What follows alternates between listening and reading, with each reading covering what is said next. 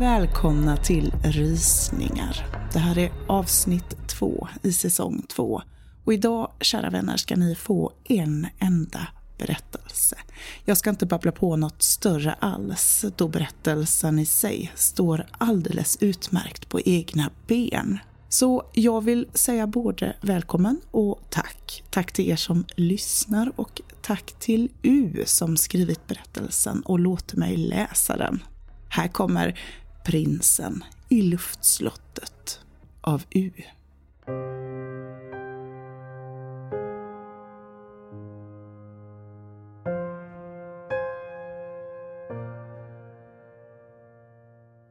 Ingen vet vad som egentligen hände med Elisabet och hennes dotter Saga. Ingen, förutom jag. De senaste dagarna har jag i mitt huvud sorterat igenom alla detaljer. Flyttat runt pusselbitarna och sett på situationen från så många logiska infallsvinklar som möjligt. Men det spelar ingen roll hur mycket jag vrider och vänder på det. Den teori som känns den allra mest troliga är samtidigt så världsfrånvänd att inte ens en polisutredare med mångårig erfarenhet hade köpt den. Skulle jag mot all förmodan delat med mig av mina misstankar till polisen hade det resulterat i en enkel biljett till ett förhörsrum och därefter en madrasserad cell. Jag måste dock berätta för någon, dela med mig av min historia. Inte enbart för Elisabeth och Sagas skull, utan även för min egen. Det var vårterminen 2003 på komvux som jag för första gången träffade Elisabeth. Jag var 25 och hon var två år äldre. En gemensam nämnare var att vi båda tidigt hade blivit skoltrötta. Men istället för att glida runt efter att gymnasiet var över började jag jobba på mina föräldrars närbutik. Det var helt okej. Okay i alla fall några år innan jag bestämde mig för det var dags och läsa upp mina betyg. Det var av en ren händelse att vi hamnade jämte varandra på höstterminens första lektion. Kemin infann sig nästan omedelbart. Men det kanske mest häpnadsväckande var att vi båda, när det väl begav sig, hade gått på samma högstadieskola. Elisabeth hade dock aldrig gått gymnasiet som jag förstod det var hennes relation till sina föräldrar inte den bästa. När hon var 17 blev hon utkastad från sitt hem, men flyttade runt bland kompisar i några år. Vid 19 års ålder blev hon gravid med Saga. Killen, något one night stand, som hon hade träffat på en fest, hade gått under jorden så fort nyheten kom ut. Men trots det bestämde hon sig för att ändå behålla barnet. De första åren var en utmaning, men tack vare det enorma stödet från vänner lyckades hon ändå ge Saga allt hon behövde. Huset de bodde i hade hon hittat via en Facebookgrupp. Det var ett äldre hus som hade byggts någon gång på 50-talet. Den äldre kvinnan som bott där hade gått bort, men dessvärre fanns det inga släktingar som var intresserade av att köpa det. Så Elisabeth slog till direkt. Ungefär en vecka senare flyttade hon och Saga in. De hade bott där i ungefär fem år när vi blev vänner.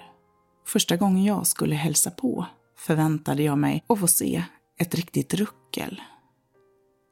Det vitmålade lilla huset var det sista i slutet av ett kvarter i utkanten av ett mindre samhälle i södra Halland. Jag skulle gissa på att invånarantalet landade någonstans mellan 2000 till 3000 personer. Byggnadens ålder till trots var i gott skick. Elisabeth hade fått hjälp av några vänner med både flytt och upprustning i form av ommålning och nödvändiga reparationer. Det låg verkligen idylliskt och viktigast av allt, Saga stormtrivdes. Bortsett från att studera jobbade Elisabeth även som personlig assistent om helgerna. Det innebar att det ibland behövdes barnvakt. Innan jag kom in i bilden hade det främst varit hennes vänner som hade ställt upp. Men eftersom de hade sina egna liv och jag var mer flexibel dröjde det inte länge förrän jag erbjöd att hjälpa till. Jag hade ändå träffat Saga vid flertal tillfällen eftersom hon ofta fick följa med till komvux. Oftast var det jag som såg efter henne när jag och Elisabeth inte hade lektioner i samma ämne. Hon var ett riktigt litet yrväder, men jag älskade den där ungen likt hon var mitt egna kött och blod. Att passa Saga var aldrig något problem. Vi klickade direkt. Jag kan se henne framför mig nu. Rosiga kinder, det långa, lite vilda, blonda håret. De gröna, intensiva ögonen som glimmade likt smaragder i solen. Hon var en avbild av de sagoprinsessor man har läst om eller sett på film som barn. Faktum är att hon var besatt av allt som hade med prinsessor att göra. Jag minns hennes rum likt det var igår. Väggarna var bokstavligen tapetserade med planscher föreställande Disneys stora utbud av kungadöttrar, gamla som moderna. Alla dockor och mjukisdjur som belamrade hennes säng och hyllor gick i samma tema. Till och med hennes säng såg ut som var hämtad ur en fantasivärld med dess rosa sängomhängen. Första gången jag satte min fot i hennes rum och tog in allting trodde jag att Elisabeth hade påverkat hennes val av interiör, men så var inte fallet. Enligt Elisabeth var hon själv betydligt mer av en pojkflicka och avskydde verkligen allt som var alltför tjejigt. Jag frågade om Saga alltid hade haft en förkärlek till prinsessor och dylikt. Men tydligen ska detta ha börjat för ett år sedan, innan vi först träffades. Lite sent, kunde hon själv tycka, med tanke på att hon nu var sex år gammal. Men det är väl bara en fas, mindes jag att Elisabeth en gång sa. Något man växer ur. Så länge hon är glad så skadar det ju ingen. Det var höst, en lördag om jag inte minns fel, när jag för första gången fick höra talas om prinsen. Det var mörkt ute och det hade regnat oavbrutet hela dagen. Jag satt och pluggade inför ett prov, samtidigt som Saga satt och målade. Vid något tillfälle hade jag kikat upp från min bok för att se vad hon gjorde för något. Oftast var det enhörningar, fantasifulla tebjudningar mellan olika sorters djur och såklart prinsessor. Men den här gången var något annorlunda. Det första jag lade märke till var prinsessan i sin rosa klänning. På det blonda huvudet vilade en tiara. Än så länge inget konstigt. Vad som däremot avvek var att prinsessan höll någon i handen och framförallt hur denna någon såg ut. Jämte henne reste sig en lång svart skugga. Huvudet var ännu inte ditmålat, men jag kunde inte hålla emot. Saga, vad är det du målar? Hon pausade och kikade upp från sin målning. Va? Jag kände mig genast lite dum. Hon hade varit så fokuserad och nu hade jag stört henne. Förlåt ifall jag stör, men vad är det där för något? sa jag sedan och pekade på skuggan. Genast sken hon upp och log så att alla tänder syntes. Det där är prinsen. Hon pausade och pekade på prinsessan. Och det där är jag. Jag synade bilden igen. Trots glädjen hon uppvisade kunde jag inte släppa känslan jag hade. Känslan av att något var annorlunda. Prinsen avvek så dramatiskt från hennes annars så färgsprakande figurer. Men jag ville inte såra henne, så jag sa bara vad fint, vartefter jag återgick till mina studier. Framåt sex på kvällen pausade jag för att värma upp mat som vi sedan åt tillsammans samtidigt som vi tittade på den tecknade Skönheten och odjuret. När filmen var över var det dags för Saga att lägga sig. Varje gång jag var över skulle jag läsa för henne. Jag tittade på henne efter att hon äntligen hade somnat. Hon såg verkligen ut som en miniatyrversion av Törnrosa. Jag pussade henne lätt på pannan och smög sedan ut ur rummet. Innan jag själv gick till sängs skickade jag ett mess till Elisabeth att Saga hade somnat utan problem. Nästa helg var det dags igen. Denna gång från fredag till söndag. Elisabeth skulle hälsa på någon kille som bodde två timmar bort. Jag hade inget emot att ställa upp, men en liten del av mig kände ändå att hon försummade sin dotter. I själva verket var det en känsla som jag hade haft ett tag. Detta sa jag såklart inte till henne. Främst för att jag inte vågade. Vi var vänner, till och med ganska nära vänner, eftersom hon hade varit öppen med mig från första början. Men med det sagt eh, kunde jag inte förneka att hon emellanåt kunde irritera mig. Elisabeth var för det mesta en bra mamma. Men ibland kändes det som hon tog mig, och säkert andra med, för givet.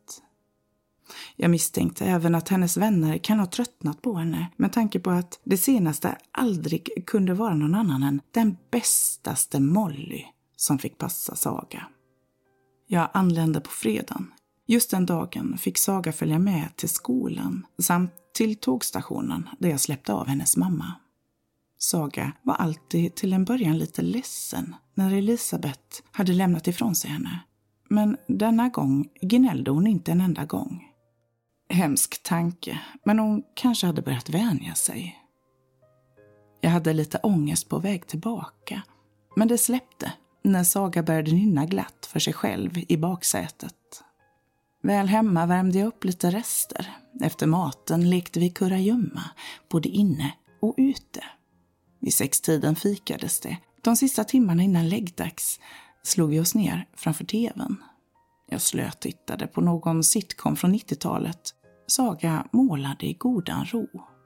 Stundtals slängde jag en blick på hennes teckning. Hon arbetade fortfarande med bilden föreställande henne och prinsen. Jag tittade närmare på de nytillkomna detaljerna. Skuggfigurens huvud, lika svart som dess kropp, ramade in en röd cirkel. I dess mitt ett svart litet hål. Ur gässan stack det upp krumelurer i samma färg. De påminde mig vagt om tentaklerna hos en bläckfisk. Snett uppe i högra hörnet av pappret svävade ett moln i vilket jag kunde urskilja ett slott med tinnar och torn.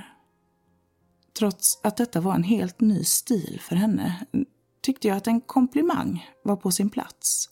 Jag flyttade mig lite närmare så fint du ritar, Saga. Jag harklade mig och fortsatte. Men vad är det som sticker upp ur hans huvud? Det är hans krona, svarade Saga med en melodisk stämma. Jaha, och vad är det där? frågade jag och pekade på pricken i vad jag förmodade skulle föreställa figurens ansikte. Det är hans öga. Har han bara ett? Mm, men Molly, nu måste jag faktiskt måla vidare. Okej, okay, men bara lite till. Det är snart läggdags.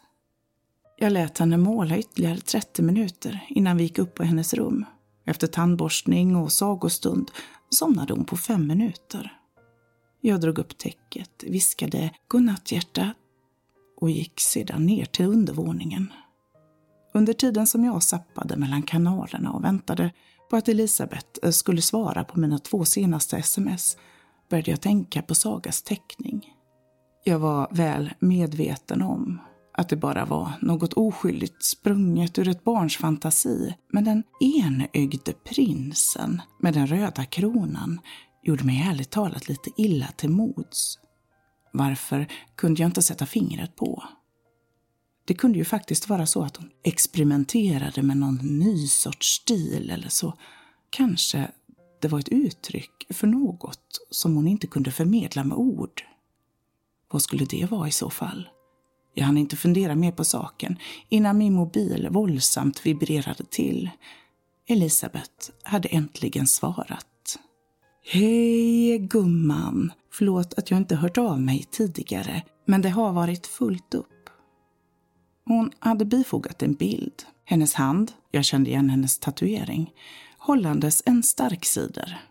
Jag suckade uppgivet, men höll god ton när jag skrev tillbaka. Vad bra. Har precis lagt saga. Däckade direkt. Hoppas allt är fint med dig. Hon svarade med en tummen upp-emoji. Jag la undan telefonen och sappade runt ytterligare 15 minuter innan jag tröttnade och gick och la mig. Någon gång, mitt i natten, tyckte jag mig höra steg ute i korridoren. I mitt dåsiga tillstånd förmodade jag att det var Saga som gick på toaletten. Så jag somnade snabbt om. Men så efter en stund vaknade jag ännu en gång. Jag satte mig upp långsamt och ropade instinktivt efter Saga, men fick inget svar. Jag satt och lyssnade. Det lät som gångjärn som gnisslade. Kanske från en dörr eller ett fönster. Jag bestämde mig för att gå upp och titta efter. Istället för att gå och titta efter Saga gick jag ner till undervåningen från vilket ljuden hördes. Oansvarigt, jag vet, men jag antog att hon fortfarande låg och sov med tanke på hur sent det var. Väl nere märkte jag hur kallt det var. Det tog en liten stund, men till slut fann jag skälet till varför temperaturen hade sjunkit. Köksdörren. Den stod på glänt. Den öppnades och drog igen i den kyliga höstvinden. Jag undersökte dörren. Tack och lov, den var inte uppbruten. Hade jag glömt att låsa den? Jag drog ett djupt andetag och pustade ut. Den lilla stad som huset låg i var ju lugn, på gränsen till tråkig, så jag tvivlade starkt att någon hade gått in. Efter att ha tänkt över saken några sekunder bestämde jag mig för att stänga, men hann inte dra igen den helt förrän jag såg något ute i mörkret. Det susade förbi snabbt, litet, ljust. Jag hann inte uppfatta vad det var för något. Hade det varit ett djur eller något annat?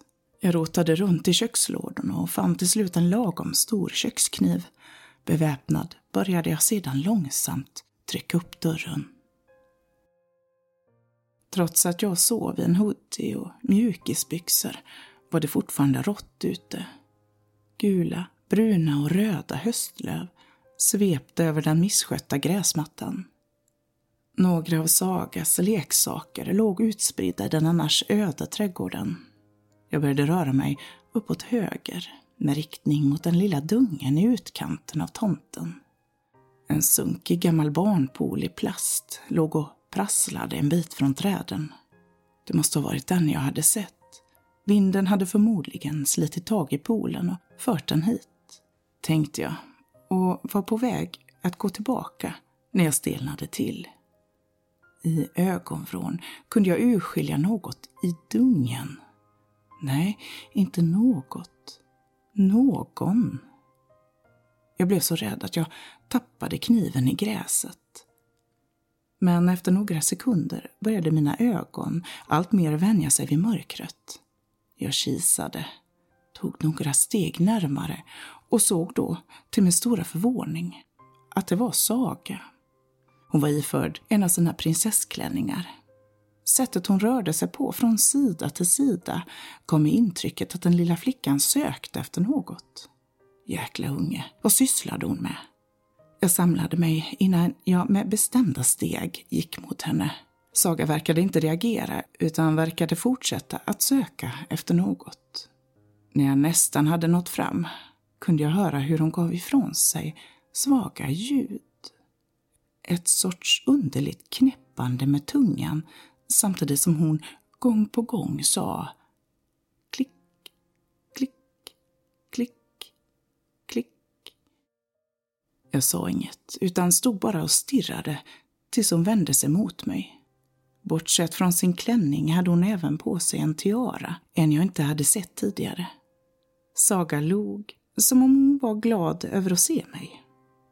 Hade jag varit den som blev påkommen hade jag skämts ihjäl, blivit rädd för att jag hade varit olydig. Men jag såg inte ett spår av skam i hennes lilla ansikte. Det var först när hon vinkade med båda armarna och ropade mitt namn som jag lösgjordes ur min paralys. Hej Molly! Jag bet mig i underläppen. Jag måste hålla mig lugn. Hon är bara ett barn. Saga är återfunnen, det är det som räknas. Men vad hade fått henne att sticka iväg så där? Detta hade aldrig hänt tidigare, i alla fall inte när jag hade suttit barnvakt. Våra blickar möttes. Underbara lilla skitunge. Trots nattens lilla incident hade jag inte hjärta att vara arg på henne. Jag sträckte ut min hand. Kom, vi går in. Vill inte att du ska bli sjuk. Okej, fick jag som svar vartefter hon fattade min hand.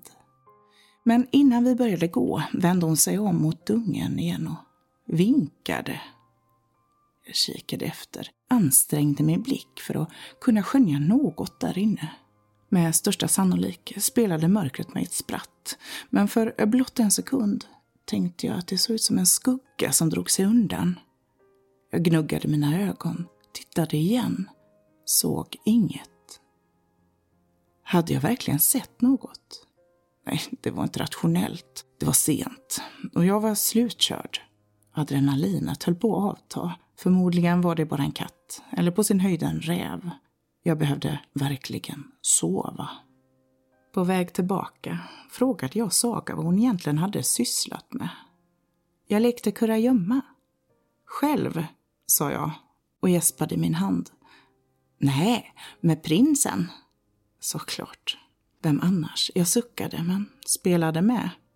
Alltså, hittade du honom? Nej, han är uppe bland stjärnorna, svarade hon som om det var en självklarhet. Dum som jag var tittade jag upp, men jag såg inget. Molnen hade dragit sig undan och vinden hade stillat sig. Det var stjärnklart, men någon prins såg jag inte röken av. Saga och hennes livliga fantasi. Hade Elisabeth sett mig hade hon trott att jag var knäpp. Jag skrattade lite nervöst. Okej, okay, men nästa gång eh, får du säga till honom att ni måste leka inne och absolut inte efter läggdags. Är det förstått? Jag lovar. Nästa dag lät jag Saga få en timme längre än vanligt. Eftersom hon fortfarande var trött efter frukosten föreslog jag att hon skulle ta sig en tupplur. Jag bäddade ner henne i soffan och så fort hon hade somnat gick jag ut men såg till att låsa efter mig ifall hon skulle få för sig att smita igen. Väl ute började jag plocka upp hennes leksaker. När jag höll på att tömma barnpoolen från döda löv, grenar och illaluktande regnvatten kikade jag in mot dungen. Nu när det var ljust ute kunde jag se betydligt bättre. Bortsett från en käpphäst och en Barbiedocka fick jag även syn på en gammal trädgårdsstol. Den stod upprätt med ryggstödet vänt mot mitt håll. Hur hade den hamnat där inne? Först tänkte jag strunta i den, men bestämde mig för att det var lika bra att ta tag i det nu när jag ändå var igång. När poolen var tömd och ihopvikt skred jag till verket. Jag ångrade mig så fort jag närmade mig den. Den var ingrodd med smuts och täckt med svarta fläckar. Förmodligen mögel och alger. Stolen utsöndrade dessutom en stark odör som fick mig att rygga tillbaka. Det var slutstädat för mig. Jag blängde på den vidriga plaststolen en sista gång innan jag gick in för att tvätta händerna.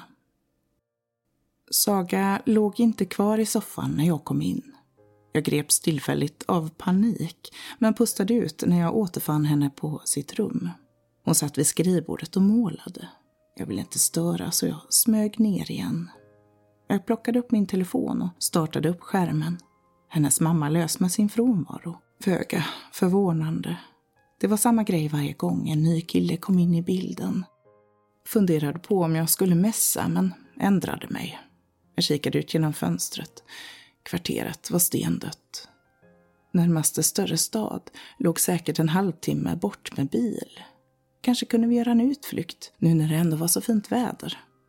Saga var dock inte med på noterna. Det går inte. Hon lät brysk, till gränsen till tjurig. När jag frågade henne varför förklarade hon att prinsen inte kunde följa med. Så hennes låtsaskompis var fast i deras hus. Jag nickade förstående, men föreslog att vi kunde gå till eh, lekparken som låg fem minuter bort. Detta verkade vara okej, okay, men jag fick lova att vi inte skulle vara borta allt för länge eftersom det skulle göra prinsen ledsen. Jag svor dyrt och heligt att vi snart skulle vara tillbaka. Två barn, en flicka och en pojke i Sagas ålder, turades om att åka rutschkana när vi anlände. Föräldrarna satt och drack kaffe vid ett av borden i närheten av gungorna. Jag vinkade och de vinkade tillbaka. De båda barnen försökte omgående bjuda in Saga i deras lek, men till min stora förvåning behandlade hon dem likt de var luft. Mitt hjärta ömmade för henne. Som barn hade jag nämligen själv haft väldigt svårt för att skaffa och behålla vänner. Detta verkade inte besvära Saga det minsta. Barnen gav till slut upp och lämnade Saga i fred. Jag inbillade mig säkert, men jag kunde känna föräldrarnas brännande blickar. Tur i oturen frågade Saga om vi inte kunde gå hem. Jag log svagt och nickade. Medan vi gick funderade jag på om jag skulle ta upp detta med hennes mamma eller inte. Jag brydde mig ju om Saga, men kanske Elisabeth skulle se det som ett övertramp. Kanske det var bättre att vänta. Studera på avstånd och notera eventuella förändringar. Så fort vi kom innanför dörren skrek Saga att hon var hemma. Hon slängde sedan av sig sin jacka, sparkade av stövlarna och stormade sedan upp till övervåningen. Jag skakade på huvudet vartefter jag plockade upp efter henne. Det var när jag kokade med en kopp te som Elisabeth bemödade att höra av sig. I sitt korta mess hade hon bifogat en bild på sig själv och killen som hon hälsade på. Det var en typisk Elisabeth-kille. Långt hår, skägg, solglasögon och tatueringar upp till halsen. En riktig bad boy, med andra ord. Troligen en riktig festprisse. Jag hade bara varit ute med Elisabeth några enstaka gånger, men kunde inte hänga med i hennes tempo. Det var just vid eh, den sortens tillfälle som jag fick höra att jag var tråkig. För det mesta rann det av likt vatten på en gås, men det fanns stunder då jag ifrågasatte vår vänskap. Hade det inte varit för Saga hade jag förmodligen sagt upp kontakten. Men nu var situationen som den var. Vi mässade fram och tillbaka några minuter innan hon och Tony, som hennes drömprins hette, skulle hitta på annat. Jag tittar på klockan och inser att det hade gått mer än 30 minuter sedan vi återvände. Det är ovanligt tyst där uppe på andra våningen. Undrar vad hon har för sig. Jag kallar på henne men Saga svarar inte. Hon sitter säkert på sitt rum och pysslar. Men jag bestämmer mig ändå för att kika efter. Det är inte förrän jag ska ta de tre sista trappstegen som jag hör ett svagt nynnande från hennes rum. Melodin är bekant, men det är först när jag står utanför hennes dörr som jag känner igen den. Försiktigt lägger jag örat mot. Bakom dörren hörs Sagas spröda röst nynna på Wagners bröllopsmarsch. Jag står och lyssnar en liten stund tills hon slutar abrupt. Tystnaden som följer är nästan kuslig. Jag knackar måttfullt. Saga, får jag komma in?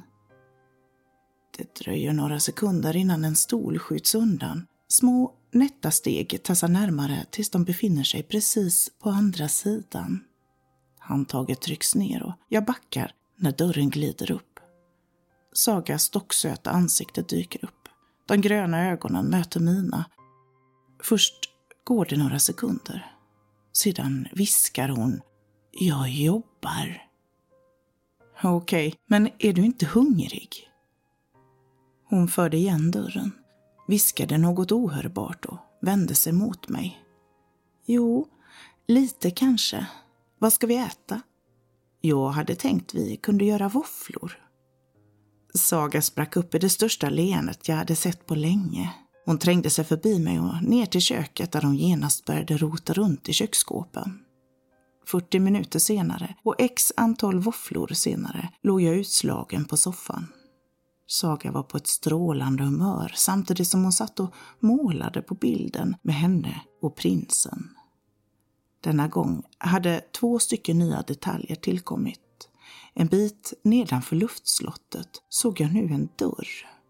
Den var rund och hade ett stort nyckelhål i mitten.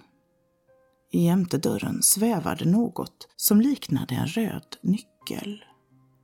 Jag följde hennes drag med kritan. Trots att hon var uppåt var det något bestämt med sättet hon jobbade på.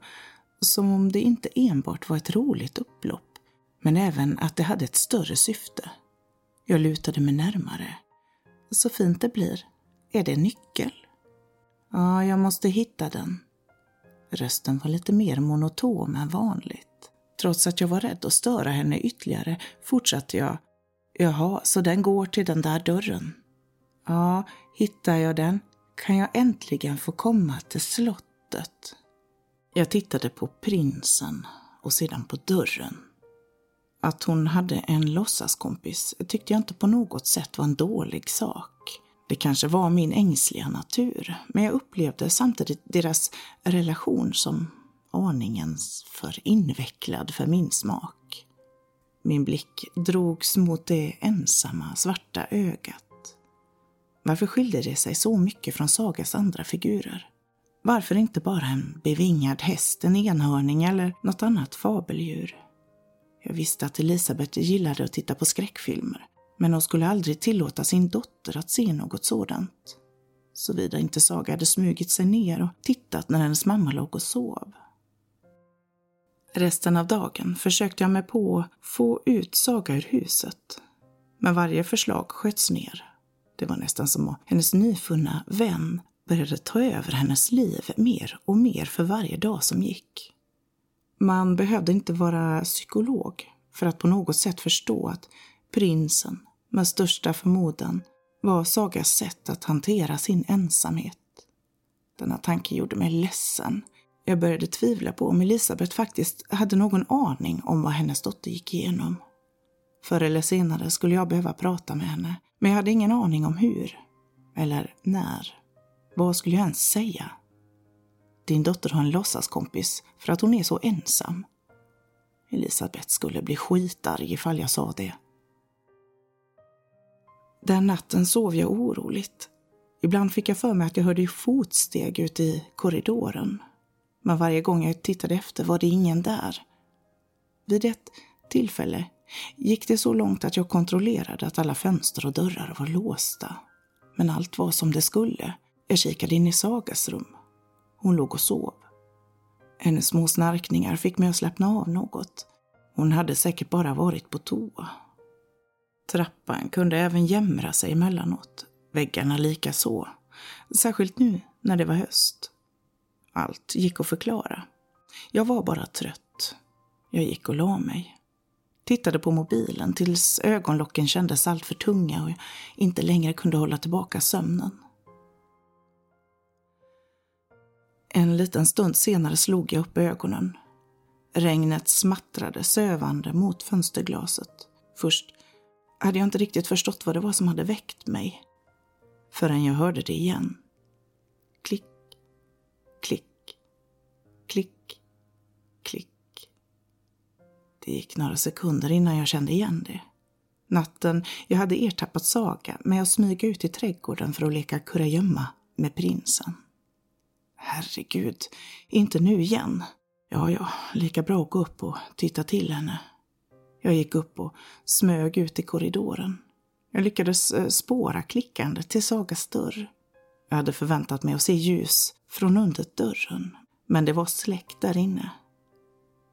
Det gjorde dock knappast saken bättre. Varför satt hon i mörkret för sig själv och gav ifrån sig de där ljuden? En liten kall kåre hade vid det här laget börjat leta sig upp under mitt skinn. Det fick vara bra nu. Dags att sätta ner foten. Jag drog ett djupt andetag och knackade på dörren. Saga, du ska ju sova nu. Gå och lägg dig. Hon tystnade genast. Jag kanske hade tagit i för mycket. Därefter hördes prasslande från ett täcke följt av en liten suck.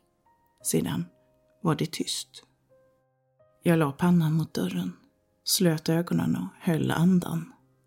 Så fort Sagas snarkningar hördes andades jag ut långsamt. Friden var återställd, i alla fall för tillfället. Innan jag återvände till gästrummet tappade jag upp ett glas vatten, drack och ställde det sedan på nattduksbordet. Så fort jag låg till rätta och slöt ögonen la sig tröttheten över mig likt en svart filt. Jag drömde om klickningarna. I alla fall tror jag att det var en dröm. Det lät som saga, men något var annorlunda. Omaka, typ gutturala och liksom vattniga på något sätt. Som om de kom djupt ner från hennes lungor. Ju längre jag låg där, desto mer kändes det som jag befann mig i en vaken dröm.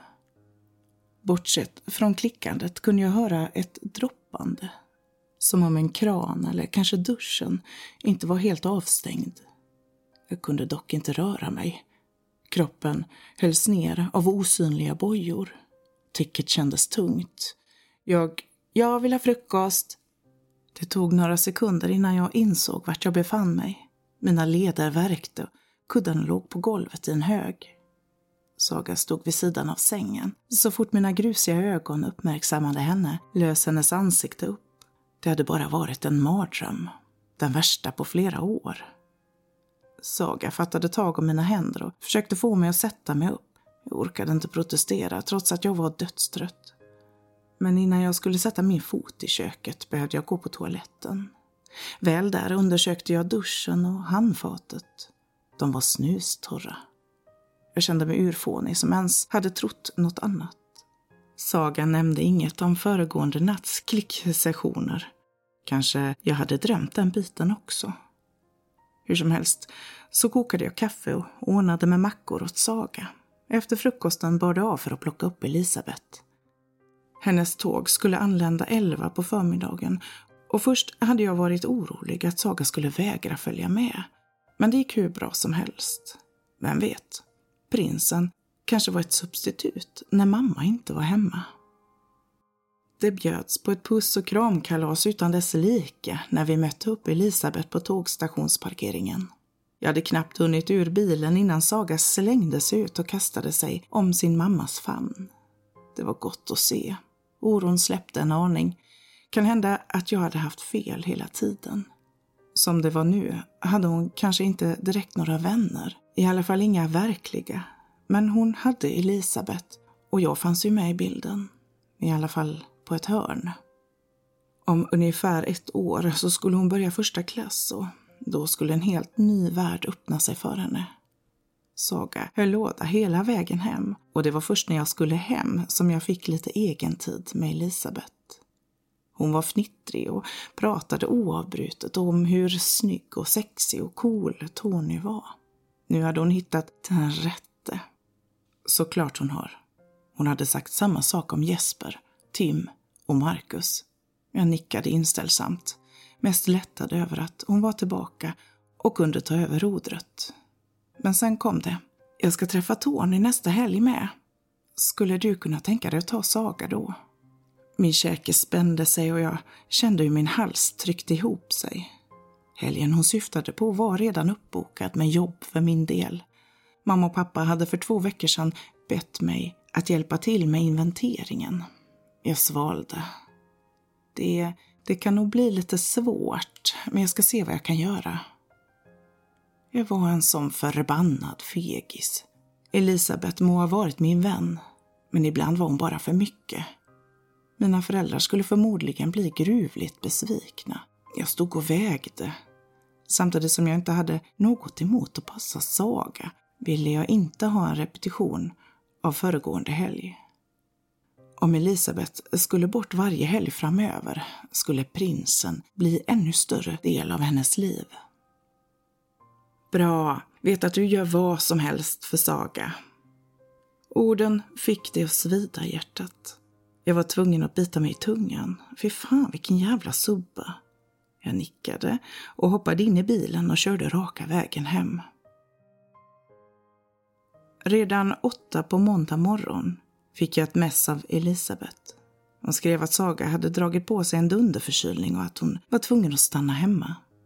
Jag skrev att hon fick hälsa Saga och krya på sig. På torsdagen meddelade hon mig att Saga nu var så pass frisk att hon kunde hälsa på Tony och att hon ännu en gång behövde skjuts till tåget. Innerst inne hade jag hoppats på att hon skulle stanna hemma. Jag skulle behöva göra mina föräldrar besvikna, något jag inte såg fram emot. Pappa blev såklart irriterad, behandlade mig med tystnad efter att han fick reda på att planerna var ändrade. Mamma var mer förlåtande samtidigt som hon sa att jag var alltför snäll. De tyckte säkert att jag blev utnyttjad och även om de hade rätt visste jag inte vad jag skulle göra åt saken. Jag hatade känslan av att sitta i kläm. Samtalet med mamma fick mig att inse hur ensam jag egentligen var. De vänner jag haft genom åren hade försvunnit en efter en.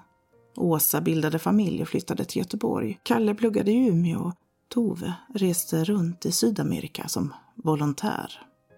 Själv bodde jag kvar i vår hemstad, pluggade upp betygen på komvux och jobbade på mina föräldrars närbutik.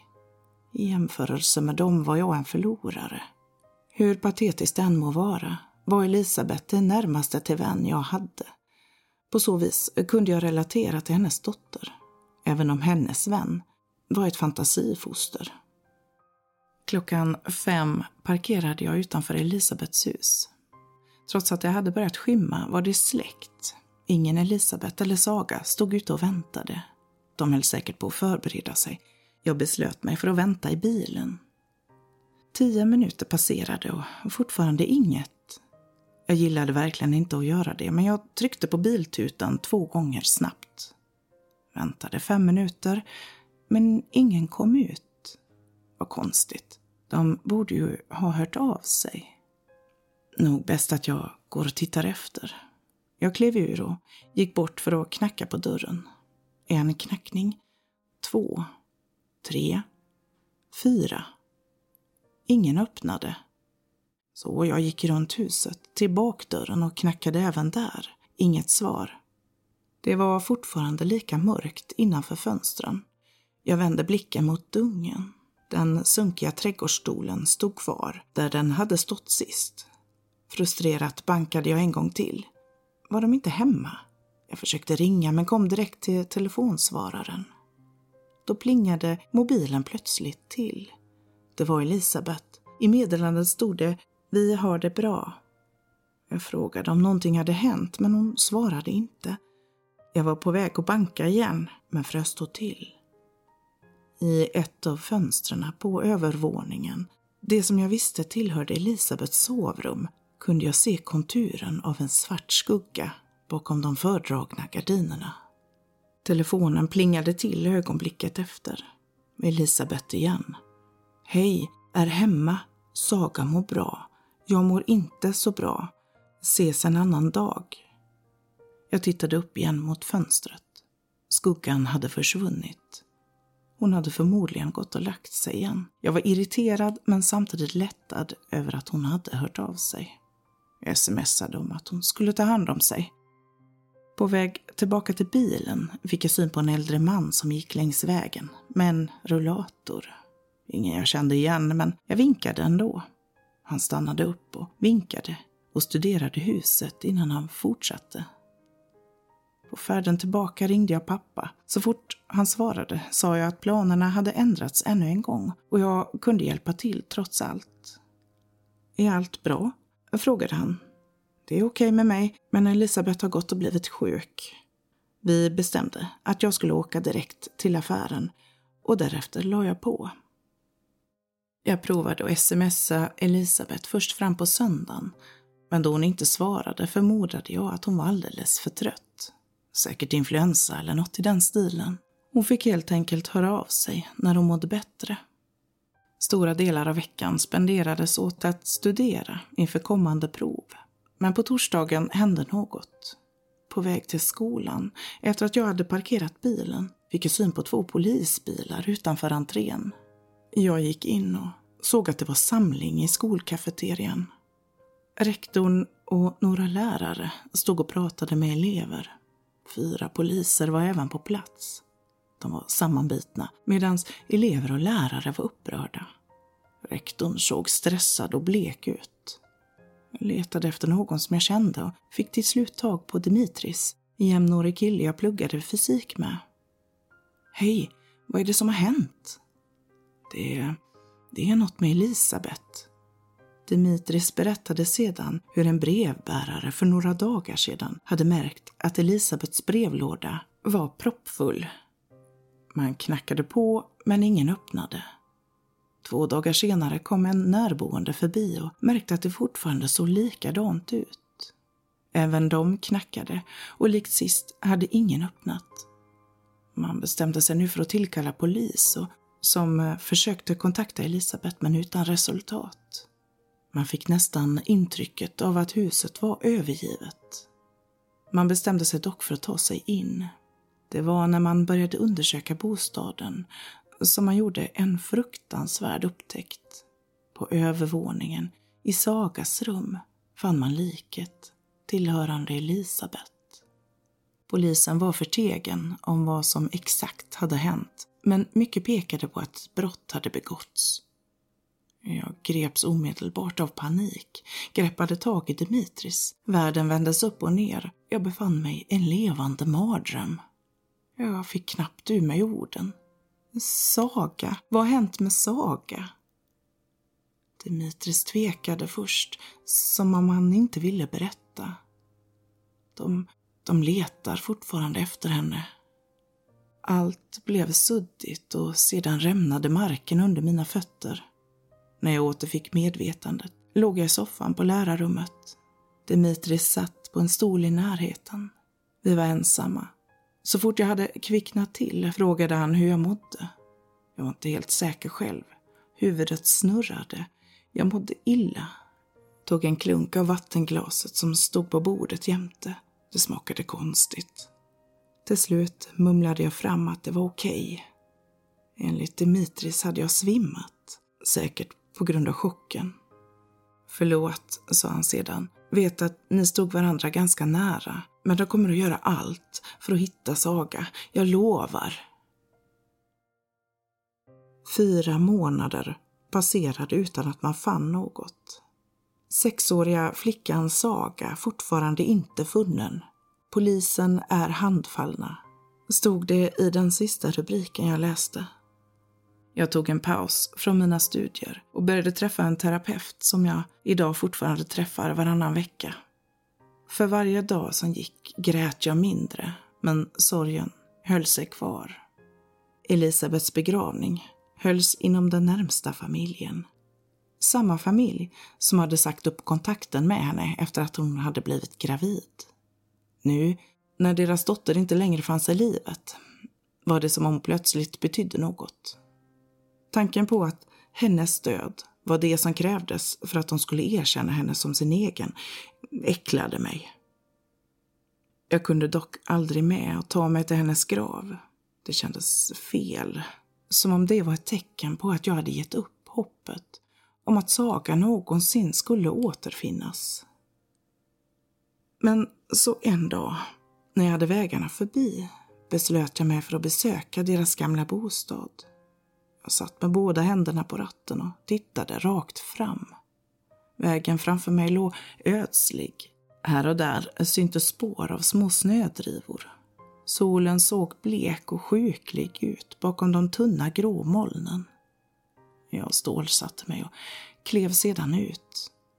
Det hade gått flera månader, men jag kunde fortfarande se resterna av polistejpen. Huset i vilken det en gång i tiden hade bott världens godaste lilla tjej hade förvandlats till kvarterets spökhus. En mörk relik frusen i tiden. Jag såg inte till någon till saluskylt och något sa mig att det var så det skulle förbli. Det hjärtskärande som hade ägt rum innanför dessa väggar hade troligen lämnat så pass djupa sår att ingen ville befatta sig med det. Jag hade nog egentligen hoppats på något slags avslut. Men något sånt kom aldrig. Inte ens en fortsättning. Eller en början på ett nytt kapitel. Lik tidigare satt jag fast. Jag var på väg att bege mig när jag plötsligt hörde en äldre mans röst. God dag, hur står det till? Sedan jag hade klivit ur bilen hade jag inte sett till någon så jag blev förvånad. Men jag vände mig ändå om. Det tog inte många sekunder innan jag kände igen mannen, även om jag enbart hade sett honom en gång tidigare. De insjunkna ögonen, det vita skägget, rullatorn, klädd i en grå täckjacka, bruna manchesterbyxor, gummistövlar och en mörkblå gubbkeps. Det var samma man jag hade sett sist gång jag varit här. Eh, jo, det är bra själv, sa jag, inte riktigt säker på vad mannen ville. Han presenterade sig som Ebbe. Jag nickade. Molly, du ser bekant ut. Har jag inte sett dig tidigare? Ebbe rynkade på pannan och la huvudet på sne. Som om han verkligen ansträngde sig för att minnas. Säkert. Ja, jag kände de som bodde här tidigare, sa jag samtidigt som jag pekade på huset på andra sidan vägen. Den gamla mannen vände sig mot den övergivna byggnaden. Han såg sorgsen ut. Verkligen tragiskt allt det här. Tänka sig, först pojken och några år senare både mor och dotter. Jag har bott här i 50 år och har aldrig sett något liknande. Men det var väl bara en tidsfråga innan något sånt skulle hända här med. Ja, jag säger då det. Jag var på väg att svara, men hejdade mig. Pojken? Ursäkta, men vilken pojke pratar du om? Ebbe tittade på mig igen som jag var dum. Som om jag borde ha vetat vem han syftade på. Jag fortsatte titta frågande på honom tills han harklade sig vartefter han drog fingrarna genom sitt välansade skägg. Den lilla flickans far. Han dog innan hon föddes. Jag kände mig helt förbryllad. Det där låter konstigt. Vad jag vet så försvann han när han fick reda på att Elisabeth var gravid. Det var då som Ebbe berättade för mig hur det hela låg till. Han visste inte namnet på Sagas pappa, men Ebbe var en av de första som hade hälsat det gravida paret välkomna kort efter att de hade köpt huset. Ebbe ska tydligen ha varit god vän med kvinnan som bott i huset tidigare, en gång i tiden, och det hade till en början glatt honom att se unga människor flytta in. Men det märktes att han inte hade så mycket övers till fruntimret. Jag tyckte bra om pojken, men både jag och frugan kunde se långa vägar att han inte mådde bra. Det var väl inte så konstigt med ett fruntimmer som henne. En riktig skata, ifall du frågar mig. Det bråkades och tjafsades stup i kvarten, långt in på nätterna ibland. Ibland sov han till och med utomhus. Jag minns ett tillfälle när frugan min träffade honom i affären. Blåslagen var han. Såg inte klok ut. Klart att folk tittade och började pratas. Byn är ju inte speciellt stor som du säkert märkt. Han plockade upp en näsduk och snöt sig och fortsatte sedan. Men sent en kväll, när jag och frugan satt och tittade på TV, hörde jag en hög smäll någonstans utifrån. Först trodde jag att det var ett avgasrör som small till. Jag tänkte att det måste ha varit Kjell, bilmekanikern i byn, som var ute och åkte med någon gammal kärra. Hur som helst så släppte jag det. Det var när jag var på toaletten som Birgitta ropade på mig att polisen och ambulansen stod framför det unga parets hus. Jag hade tagit ut hörapparaten så jag hade inte hört något, men jag bestämde mig ändå för att gå ut. Birgitta valde att stanna hemma så jag gick ut själv. Det var en himla massa folk här när jag kom fram. Polisbilar och en ambulans, om minnet inte sviker mig. Ebbes blick blev allvarligare. Hårt, liksom den var karvad ur sten. Jag såg kvinnan. En kvinnlig polis pratade med henne. Hon såg eh, frånvarande ut. Säkert chockad, skulle jag tro. Det var så mycket väsen och uppståndelse att jag bestämde mig för att hålla mig på avstånd. Tror att det kan ha tagit tio minuter innan jag såg två sjukvårdare komma från baksidan av huset. De bar på en täckt bår. Det rådde inget som helst tvivel om att det låg någon under skynket. Det var först en vecka senare som det hela hade börjat luckras upp. Kroppen på båren var den unge mannen. Ryktet på bygden var att han skjutit skallen av sig. Men exakt hur visste Ebbe inte. Det fanns de som menade att mannen hade använt ett hagelgevär eller kanske till och med ett jaktgevär. Den kanske mest underliga teorin, en som Ebbe menade var alldeles för otrolig, var att han hade spelat rysk roulette med en revolver. Här i trakten finns det många som jagar, men det är ju knappast med en revolver. Jag hade en kusin uppe i Norrland som blåste skallen av sig i sin vedbord. Snabbt och smidigt antar jag, men rysk roulette det låter lite onödigt att dra ut på det. Ett klick i taget, i väntan på döden. Nej, dra åt fanders. Minnen. En gång fragmentiska, undanstoppade i ett trångt litet rum någonstans i mitt inre, började göra sig till känna. Kurra gömma på natten. Saga. Klick, klick, klick. Senare samma sak igen, men denna gången inne i huset. Men hur var det ens möjligt? Hon var ju inte ens prinsen. Jag föll baklänges och blev sittandes i en av de små snödrivorna. Ebbe försökte fatta tag i min rockärm, men han inte. Han rörde sig mot mig, försiktigt så han inte skulle halka. Men kära barn, hur är det fatt? Jag, jag gjorde tecken åt honom att stanna där han stod. När jag till slut lyckades ställa mig upp och borsta bort snön spände jag ögonen i honom. Vad vet du om mordet? Vet du vad Saga har tagit vägen? Han ryggade tillbaka, märkbart överraskad av min aggressiva framtoning. Jag kom närmare, fattade tag i hans taniga axlar och upprepade samma sak igen. Denna gång lägre. Nu när vi stod så nära varandra tronade jag över honom. Han liksom krympte ihop, såg ynklig ut. Jag, jag ska berätta det lilla jag vet. Snälla, skada mig inte. Underläppen darrade svagt. Jag släppte taget om honom och backade. Ebbe hade två veckor efter mordet och Sagas försvinnande träffat på en vän vars son studerade till att bli polis. Kombinationen av brottets art, men även att det hade hänt i en småstad, ledde till att det skvallrades flitigt bland polisstudenterna. Sonen ska, efter att ha fått några glas för mycket hemma hos sin far, berättat vad han hade hört. Den hade blivit så förfärad av detaljerna att han hade känt sig tvungen att dela med sig till någon han kunde lita på, i detta fallet Ebbe. Ebbe själv hade hållit tyst. Fram tills nu. Skadorna på Elisabets kropp hade varit omfattande, mellan 20 och 30 knivhugg. Förövaren hade sedan avlägsnat ett av hennes nyckelben. Utredarna misstänker att det var en rituell handling, att gärningspersonen ville ha en trofé. Kniven som användes var en kökskniv, men några uppgifter om fingeravtryck kände man inte till. Bortsett från kroppen fann man även ett blodspår som ledde fram till garderoben i rummet.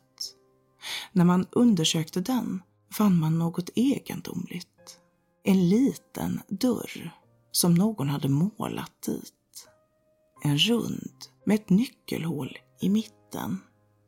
Någon hade smetat blod över nyckelhålet.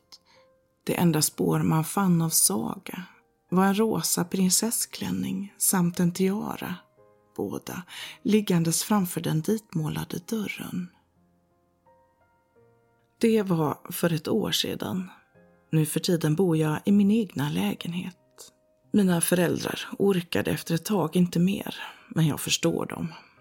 De eh, hör inte vad jag hör.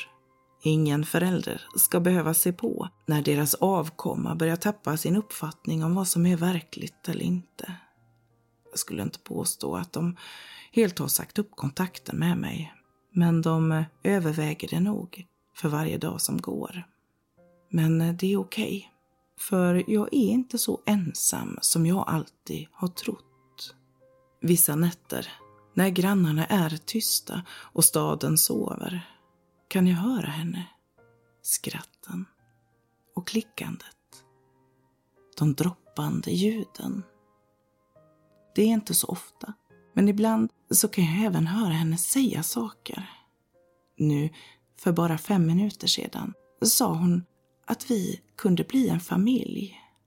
Bara hon och jag och prinsen i luftslottet.